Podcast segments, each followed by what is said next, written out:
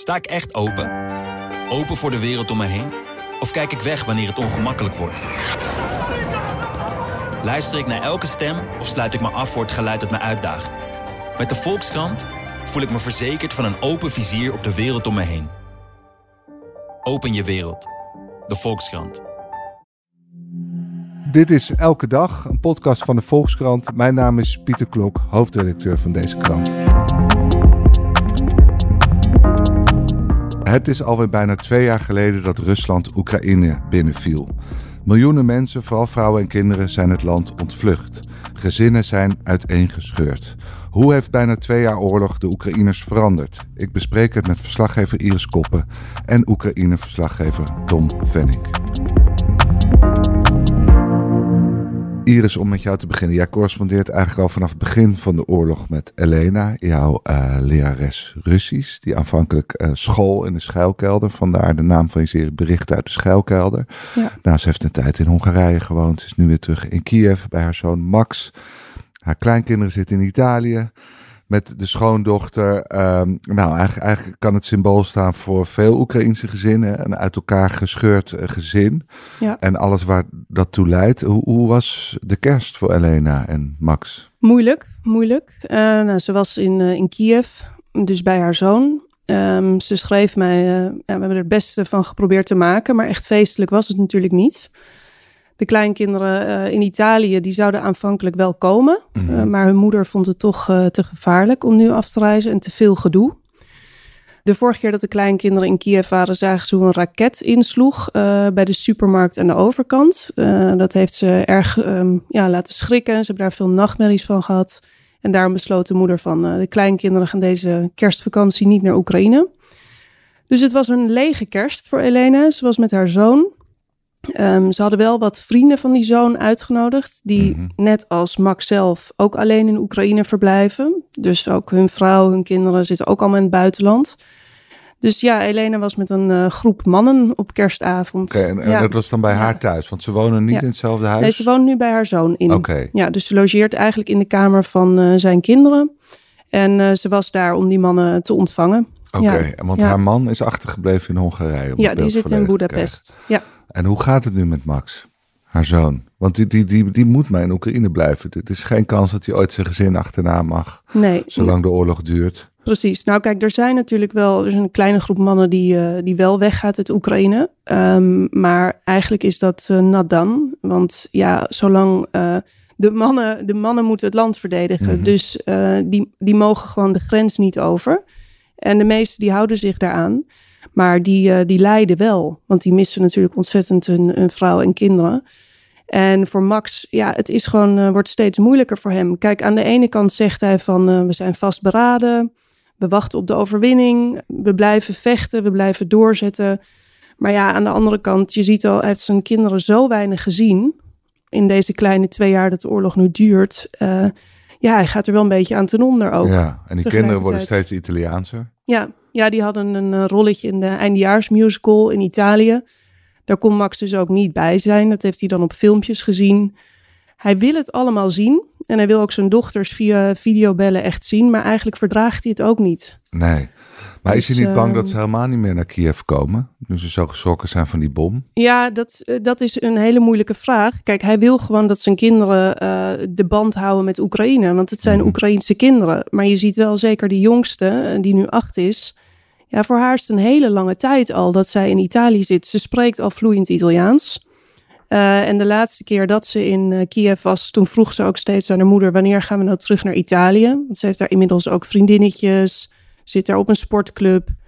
Ja, en dit is natuurlijk het, het, het verscheurde uh, ja, beeld eigenlijk van ook die Oekraïense man, die aan de ene kant heel blij is dat zijn kinderen in veiligheid zijn hè, in de EU zonder dat ze naar de schuilkelder moeten. Ze hebben goed onderwijs. En aan de andere kant, uh, ze kunnen, hij kan niet bij zijn kinderen zijn en hij kan ze ook niet zien opgroeien. Nee, want hoe ziet zijn leven er nu uit? Want hij, hij ja. verleende vooral hand- en spandienst, toch? Hij, hij hoeft ja. niet naar het front. Nee, nog niet. Maar ja, dat is nu ook een, een punt van zorg. Er komt misschien ook die nieuwe mobilisatieronde. Max heeft zelf geen uh, militaire ervaring, maar het zou kunnen dat hij toch misschien op een gegeven moment, als de nood hoog wordt, toch wel naar het front moet. En dat vindt Elena natuurlijk ook best spannend. Sommige mannen vluchten toch? Is, is dat Ja. heel moeilijk? Of, of, Nou ja, of is het vooral dat, dat je dan riskeert dat, je- dat, je, Ja. dat je nooit meer terug kan, omdat het moreel verwerpelijk wordt Kijk, het, het is vooral eh, in je eigen omgeving. Het is vooral eigenlijk eh, sociaal eh, wordt er dan op een bepaalde manier naar jou gekeken. Elena geeft mij altijd het voorbeeld van haar buurvrouw. Eh, haar zoon vluchtte eigenlijk Mhm. direct naar de grootschalige invasie. En die, die buurvrouw die zei, een, een man die vlucht op het moment dat de oorlog begint, dat kan geen kind van mij zijn. En die is met hem gebroken. Dus en Elena zegt eigenlijk hetzelfde. Als Max nu zou vluchten, dan hoef ik hem nooit meer te zien. Hoe hard dat ook is. Maar dat is hoe zij eh, ja, hierin staan. Vechten voor het land is veel belangrijker dan vechten. ja, kijk, je kan niet genieten van de waarde en op de vlucht slaan eh, voor de lasten, zeg maar. Hè? Of genieten van een democratie en de, de lusten lekker nemen. En dan op het moment dat het erop aankomt, eh, ja, weggaan. Ja, Dat, dat kan niet, vinden zij. nee. Zij is wel heel principieel daarin hoor. Dus eh, ik weet ook niet. Dus zelfs als, Max zou willen ja. vluchten, dan houdt Elena hem desnoods hoogstpersoonlijk tegen. Nou ja, dat zou kunnen. Ja, je ziet ook wel dat de vraag is: mannen die nu gevlucht zijn en die na de oorlog terug willen keren, ja, hoe zal dat gaan? Hoe zullen zij ontvangen worden door hun eh, ja, oude vrienden? Een soort ja. Bijna. Nou ja, bijna wel, ja. En, en Ja. hoe hou je een huwelijk goed op afstand? Want je hebt in een van de vorige eh, afleveringen al verteld dat dat nog best lastig is. Dat er ook veel echtscheidingen inmiddels... eh, Ja, je ziet dat er een toename is in Oekraïne van het aantal echtscheidingen. Er worden ook veel debatten over gevoerd. Het is namelijk in Oekraïne best moeilijk om te scheiden. Want bijvoorbeeld als jij als vrouw wil scheiden, moet je ook echt eh, naar Oekraïne terugkomen om daar je handtekening te zetten. Dus het, er zijn allemaal formele regels die dan gelden. Er gaan stemmen op die zeggen het moet makkelijker worden om te scheiden, want de situatie is gewoon nu zo moeilijk.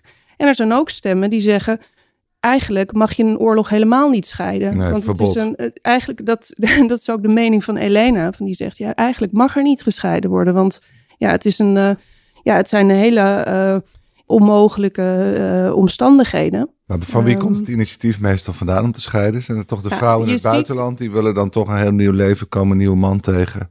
Dat gebeurt soms. Ehm, dit is trouwens ook een onderwerp waar Elena niet graag over praat, omdat Mhm. ze doet alsof het er niet is. Ehm, maar je ziet wel nu na zoveel maanden oorlog dat, ja, dat, dat, dat het gaat schuiven en dat, dat huwelijken onder druk staan. En dat ook vrouwen soms denken van ja, hoe moet dit nou verder? En ik wil met mijn kinderen hier blijven. Of ze ontmoeten iemand op het werk. En die vrouwen zijn ook een prooi, zoals Elena het soms zegt, hè, voor, eh, ja, voor, ja, bui- voor mannen in de EU die zo'n vrouw daar alleen zien. Dus ja, dat brengt wel heel veel spanningen en eh, ja, gedoe eigenlijk met zich mee. Want ook zelfs Max, die wil aan de ene kant dat zijn vrouw in Italië gaat werken. Tegelijkertijd is hij stik jaloers natuurlijk. Mhm. Is hij bang dat ze, iemand, Ja. dat ze iemand tegenkomt? natuurlijk. Maar is er druk op de vrouwen om terug te keren naar Oekraïne en hun mannen weer te steunen?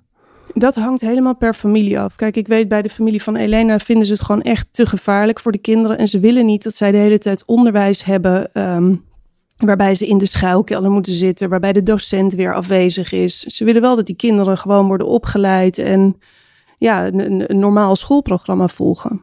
Ja, dus dat gaat Dus- voor. Het lot van de kinderen gaat Ja. voor. En dan moet het huwelijk daar maar onder lijden. Ja, dat is een beetje bij hen in ieder geval het geval. Ja, en nu eh, waren er Ja. wat zorgelijke signalen in jouw laatste rubriek. Dat Max Ja. behoorlijk begint te drinken. Of... Ja, nou wat je ziet, en dat speelt eigenlijk al langer. ehm, in Oekraïne wordt vaak gezegd van eh, de vrouw houdt de man eigenlijk eh, een beetje in bedwang. Dus op een feestje, als de man gaat drinken, dan geeft de vrouw aan: nu is het genoeg, nu gaan we naar huis. Ja, want En- dat heeft die man nodig. Dat heeft die man nodig, zo gaat dat. Ja, Eh, maar nu, met al die vrouwen die in het buitenland zitten, hebben ze eigenlijk niet eh, iemand die hun in de gaten houdt en zegt van, hé, hey, stoppen met drinken, we gaan naar huis. En je ziet dat het gevaar van iemand die eh, naar de fles grijpt, dat wordt, is gewoon steeds groter aan het worden. Dat zie je dus ook bij Max. Die zag zijn kinderen eh, weer een keer via video bellen. Die was zo verdrietig en die is gaan drinken.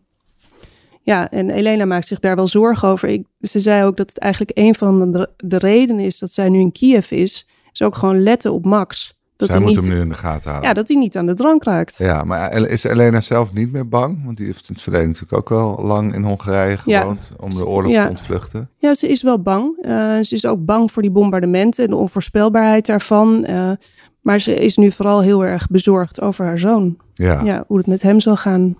Eh, Tom, nou je hebt dus een aantal Oekraïnse mannen die wel naar het buitenland vluchten. Uh, hebben we enig idee wat, wat voor mannen dat zijn? En, en nou ja, waarom zijn, zij wel? Ze hebben twee redenen om te vluchten. Eén is om niet gemobiliseerd te worden. Mhm. En twee is om hun familie in het buitenland weer uh, terug te zien uh, en bij ze te gaan wonen. Dat, dat zijn de twee belangrijkste redenen.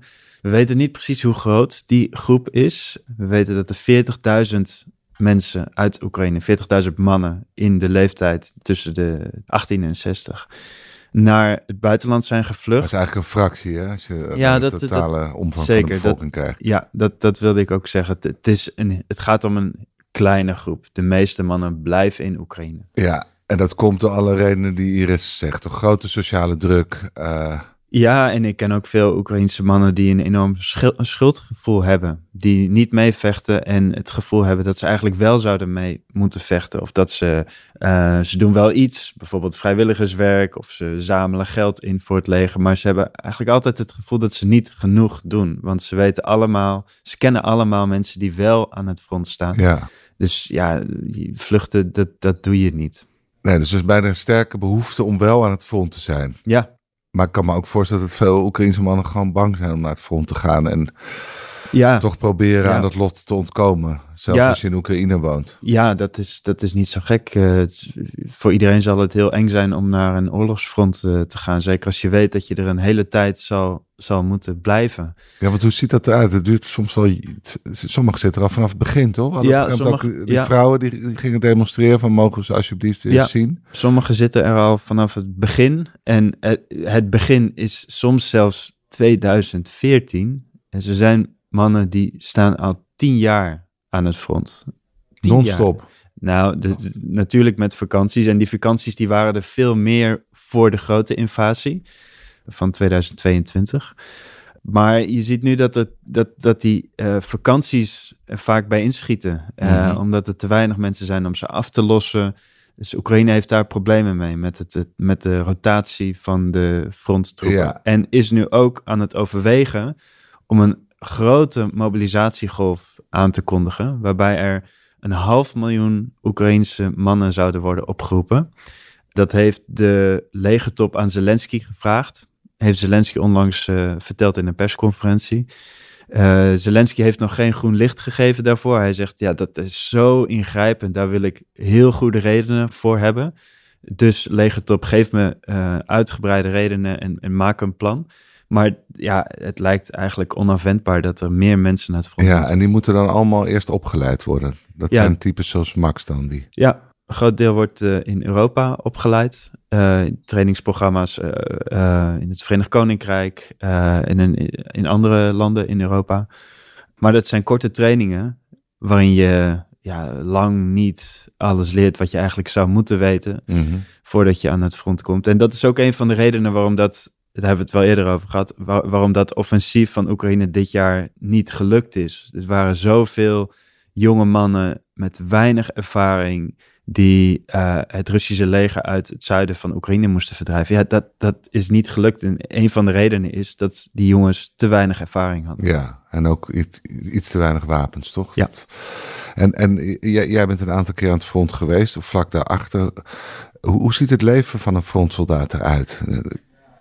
We kennen natuurlijk de films uit de Eerste Wereldoorlog, eh, van de loopgravenoorlog, hoe uitzichtloos en verschrikkelijk dat kan zijn. Ja, nu eh, koud en, en, en Want ze wonen in die loopgraven voor een groot deel. Of, Nou, ze, ze eh, verblijven daar soms enkele dagen. En daarna gaan ze meestal naar een, een woning iets achter het front, waar ze een bed hebben.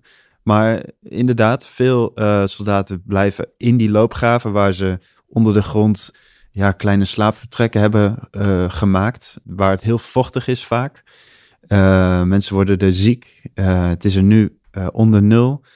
Dus dat, dat leven aan het front is, dat gaat niet alleen maar om, om schieten. Het- het- het- soms is het, heb je ook heel veel saaie dagen. gewoon wachten, wachten, tot de tegenstander komt aanvallen. Ja, wa- of wachten totdat je, totdat je een opdracht krijgt om, om aan te vallen. Het is heel veel wachten en ziek worden. En, eh, en het is heel zwaar om daar eh, te Maar zitten. weten we al van soldaten die het op een gegeven moment gewoon niet meer volhouden en denken, Oh ja, die zijn... deserteren? Of, Nou, disserteren, dat, dat, dat gebeurt niet zo vaak. Maar ik ben dit jaar bij een revalidatiecentrum geweest voor uh, Oekraïners. Dus dit is meer een sanatorium waar ze even twee weken rust krijgen. Ja, en als je de gezichten van die uh, mannen ziet, dan, dan weet je dat ze, dat ze verschrikkingen hebben doorleefd. En dat ja, die ogen staan, staan zo dof dat het heel duidelijk is dat ze ja, zwaar gewond zijn. Ook al is dat niet fysiek, maar, maar geestelijk. Maar wordt het dan een soort zombies die eigenlijk heel veel dingen uitschakelen en maar gewoon doorvechten? Ja, ik heb sommige mannen wel op, op zo'n manier uit hun ogen zien kijken. En ook een gesprek met ze voeren was heel, uh, heel moeilijk. En ze kwamen ook opeens weer in een wereld die ze niet kenden, omdat ze voortdurend aan dat front staan. Ja. Waar voortdurend gevaar dreigt. En opeens waren ze in, in, een, in een rustige omgeving. En als ik in, in Kiev aankom voor een reportagereis, dan het eerste dat me altijd opvalt is dat het gewone leven er, doorgaat. Mhm. Althans, zo lijkt het. Want er is een ochtendspits, een avondspits, uh, de restaurants zitten vol. Maar als je met mensen gaat praten, dan uh, merk je dat ook die mensen allemaal zwaar geraakt zijn door de oorlog. En dat is me dit jaar nog door meer familieleden die aan het front zitten of vrouwen die ver weg zijn. Ja, ja. Ja, ik was bij een, uh, uh, op, op, bezoek bij een maritieme universiteit in Odessa. Uh, en ik had de eerstejaars voor me, een groep van, ik denk, 40 jongens en meisjes. En ik, ik vroeg wie kent iemand aan het front. En, en bijna alle handen gingen omhoog. Ja. en er was een groep die na de les nog bij me langskwam om te vertellen over hun persoonlijke verhalen over mensen die ze kenden die, die, die omgekomen waren. En dat waren niet vrienden van vrienden. Dat waren vaders, moeders, opa's, broers. Dus de oorlog is heel dichtbij gekomen dit jaar voor, ja. voor iedereen. En, en vooralsnog zijn de Oekraïners onverzettelijk. Hè? Er is geen enkele twijfel. Uh, ze moeten doorvechten tot de overwinning. Maar hoe, hoe gaat het nu aan het front? Want, want er was natuurlijk op nou, op een gegeven moment was er wel enig optimisme, maar, maar nou ja, dat offensief heeft niet helemaal geleverd wat ervan werd gehoopt. En nu is Rusland volgens mij wel weer vrij hard aan het terugduwen. Ja, Rusland is op dit moment, uh, uh, heeft het momentum, zoals ze dan zeggen. Oekraïne is nu in de verdediging en probeert die frontlinie te houden waar die nu ligt. En dat, dat lukt over het algemeen. Rusland slaagt er niet in om grote bressen te slaan uh, in de Oekraïnse verdediging. Wel is er een dorp uh, waar lang om is gevochten in, in Russische handen gevallen in de Donbass. Maar er zijn ook wel licht, lichtpunten voor uh, Oekraïne. Ze hebben deze week vijf Russische straaljagers uit de lucht geschoten. Ze hebben een, um, een Russisch fregat gebombardeerd en vernietigd in de Zwarte Zee. Dus het, het, is niet zo dat Oekraïne nu uh, nee. dat, dat, het niet meer te redden is. Maar Rusland valt ook Gerson weer aan. Hè? De stad ja. die ze eerst hadden ingenomen, die daarna werd terugveroverd. En, en ook ja, heel, heel veel hoop gaf eigenlijk. Toen, mm -hmm. toen uh, Oekraïne dat weer uh, innam.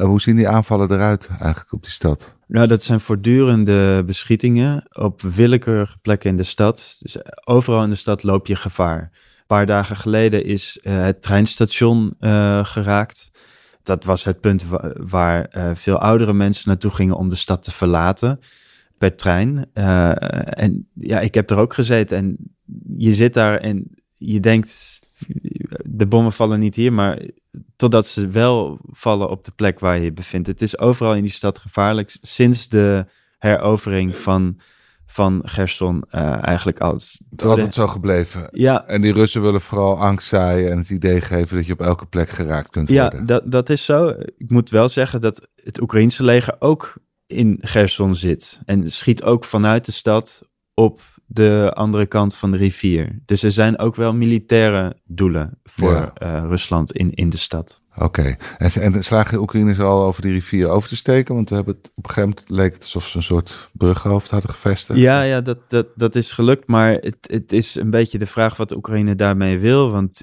nee, een kleine groep uh, militairen is aan de andere kant van de rivier geraakt. Maar ja, wat, wat nu? Ja, uh, je komt bijna niet verder. Het bracht wel goed nieuws hè? Uh, in, in de wereldpers. Uh, Oekraïne boekt eindelijk weer vooruitgang.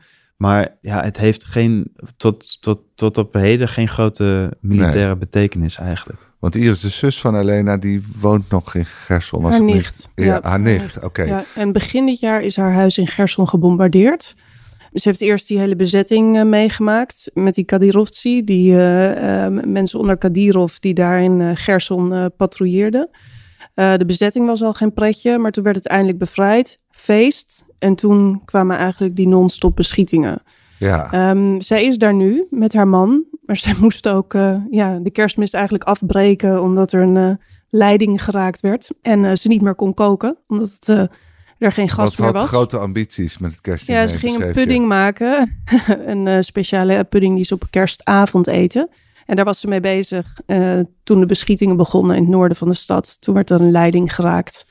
Konden ze niet meer koken en toen heeft ze er plannen moeten bijstellen. En ja, ze zit nu eigenlijk in Gerson. Haar huis is voor een deel weer helemaal opgebouwd. Maar ja, als eh, de beschietingen door blijven gaan. En wat Tom ook zegt, het is gewoon levensgevaarlijk eigenlijk nu. Omdat je ook niet weet waar ze zullen aanvallen. Zal ze misschien naar West-Oekraïne vluchten? Ja, Ja, dat, die kans is groot. En je schetste net dat Elena eigenlijk het heel onverzettelijk is. Misschien wel het, het meest onverzettelijk van de Ja. hele familie. Ja, je volgt haar nu al bijna twee jaar. Heb je het gevoel dat die Ja. onverzettelijkheid groter wordt? Of, of zie je bij haar soms ook wel wat twijfel toeslaan? Van, Ja, ik zie twee dingen. Aan de ene kant zie ik dat ze heel erg nog gelooft in die overwinning. Ze zegt: Ik geloof in onze strijdkrachten. Uiteindelijk zal het goede over het kwade eh, zegevieren. Dat heeft ze nog heel duidelijk, maar dat moet ze ook hebben omdat ze zoveel mannen ook in de loopgraven kent. En als zij de moed laat zakken, ja, dan hebben zij daar ook niks aan. Dus zij houdt dat heel erg vol. Ze gelooft er ook in. Maar wat je ziet, en dat maakt het ook interessant, is dat ze op sommige momenten eh, ja, der emoties gewoon heel erg aan de oppervlakte laat komen. En dan wel vertelt over de angsten, over dat ze bang is dat de wapensteun wegvalt uit Amerika. Dat ze bang is voor Trump als een eh, president. Dat ze bang is dat ze door eh, de Europese vrienden in de steek wordt gelaten. Ehm, ja, en dan krijg je een beter beeld van ook die angsten die ze ook heeft. En, en heeft de, de Nederlandse verkiezingsuitslag er ook nog een rol in gespeeld? In haar denken? Ja, zeker. Ja. Ja. ze was best geschokt van onze verkiezingsuitslag. En eh, ze begreep het ook echt helemaal niet. En eh, ja, ik heb ook geprobeerd uit te leggen dat er ook een deel van de mensen is die eh, moe wordt van die oorlog in Oekraïne. Hè? Dat ze ja, het, het te lang vinden duren. En dan zegt ze ook moe, moe. Waar worden jullie moe van? Jullie hoeven zelf niet te vechten. ja. En ook dat ze, ze, ze begrijpt niet dat hier iemand de grootste is geworden die zo sceptisch tegenover de EU staat. Omdat zij zegt, ja, wij vechten ons hier dood om bij die EU te horen. En jullie vinden het, lijken het niet belangrijk te vinden. Dus zij snapt gewoon dat helemaal niet. En het is ook heel moeilijk om dat uit te leggen. ja. Ze snapt de boosheid niet van de Nederlanders. De Ehm, ontevredenheid. begrijpt ze niet. Nee, nee. Dus je hebt het haar niet eh, kunnen uitleggen. ik heb dat geprobeerd, maar dat snapt ze niet. En dan zegt ze, het klinkt verwend. Maar ze zegt ook, het zal aan mij liggen, het zal aan mij liggen, maar het klinkt heel verwend. Ja. Ehm, want eh, zij zegt, eh, pas als je in een oorlog terechtkomt, weet je wat echte problemen zijn. Mhm. De problemen die je daarvoor had, die, ja, die vloeien dan één keer weg en die bestaan niet meer.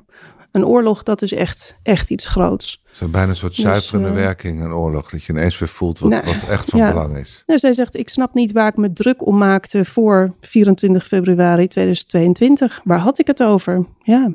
Ik, over zie, ik dat, zie eh, niet meer hoe, nee. waarom dat Nee. relevant was. Nee, Hij heeft ineens geen gewicht Ja, meer gekregen. nee. Het allerbelangrijkste strijd om de vrijheid. ja. Tom, eh, ja, nou ja, waar Elena bang voor is dat de wapensteun wegvalt, die angst is wel te begrijpen, toch? Ze ziet in de VS dat het moeilijker gaat, de Republikeinen tegensputteren. Ja, Eh, in Europa is Orbán natuurlijk, die tegensputtert niet zozeer tegen wapensteun, maar meer eh, economische steun en steun voor de wederopbouw. Eh, hoe, hoe zie je dat verder gaan? Nou vandaag heeft Amerika de laatste, laatste wapens opgestuurd, waarvoor een akkoord is in het, eh, in het congres. Eh, maar dat is echt het, het allerlaatste wapenpakket dat ze mogen sturen. Dus vanaf nu mag de VS niks meer sturen. Totdat het congres weer instemt met Ja, een nieuw pakket. Ja, en daar gaan ze pas na de jaarswisseling verder over praten. Het is er niet gelukt om daar overeenstemming over eh, te vinden. Dus ja, dat, dat is een gigantisch punt van zorg in, eh, in Oekraïne.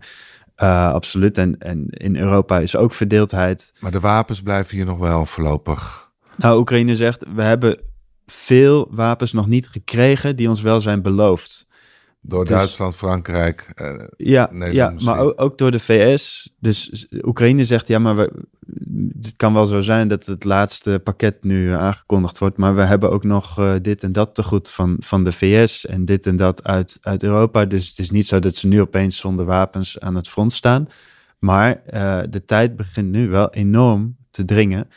Ja, en, en dat, dat, dat, is, dat is een gigantisch punt van zorg. Ehm, ja. Dus de- Het Ja. goede nieuws is dat, dat eh, want het leek ook nog even in gevaar, de, de, de, de, de toetredingsonderhandelingen tot de EU, die gaan wel op volle kracht vooruit. klopt. Ontlenen ze daar nog een soort eh, steun aan? Of, of is dat zo ver weg dat ze denken, we hebben nu vooral wapens nodig en, en dat eigenlijk alle, al hun aandacht daar naartoe gaat? Nou, die, die onderhandelingen die er komen met de EU, dat, dat, dat is wel eh, heel welkom natuurlijk in Oekraïne. Maar als die onderhandelingen er niet zouden zijn gekomen, dan was dat ook nog een gigantische tegenslag Ja, geweest. want het is vooral van belang om een soort lange termijn perspectief te hebben. Uiteindelijk, we, gaan, Ja. we zijn op weg naar de EU, Juist, mensen. juist, juist. Het geeft richting, eh, maar Oekraïners weten dat dat, dat dat heel lang kan gaan duren, die onderhandelingen. Maar ze, er zijn ook nog andere dingen waar ze zich op verheugen. Bijvoorbeeld op de F-16's, die eh, er komend jaar echt gaan komen, zo is de verwachting. De trainingsprogramma's in Europa voor eh, nieuwe Oekraïnse soldaten, die zijn eh, dit jaar uitgebreid. Dus het is niet alleen maar slecht nieuws. Voor Nee. Maar hebben ze een termijn in hun hoofd van, van hoe, hoe lang dit gaat duren? Of is het... Nee, nee, Zelensky heeft zelf ook gezegd dat ja, hij weet, eh, niemand weet hoe lang deze oorlog eh, gaat duren. Ehm, nee, Nee. ik ook niet. Oké, nou lijkt me heel moeilijk om daarmee te leven. Eh, mag ik jullie allebei heel eh, hartelijk danken voor jullie mooie verhalen. En u luisteraar, dank voor het luisteren naar de Volksstand Elke Dag. Deze aflevering werd gemaakt door Lotte Grimbergen, Julia van Alem en Rinky Bartels. Wilt u de Volkskrant steunen? Dat kan, vooral door een abonnement te nemen. En dat kan u voordelig via volkskrant.nl slash podcastactie. Want deze podcast is gratis, maar onze journalistiek is dat niet. Morgen zijn we er weer. Tot dan. Sta ik echt open? Open voor de wereld om me heen? Of kijk ik weg wanneer het ongemakkelijk wordt? Luister ik naar elke stem of sluit ik me af voor het geluid dat me uitdaagt? Met de Volkskrant voel ik me verzekerd van een open vizier op de wereld om me heen. Open je wereld. De Volkskrant.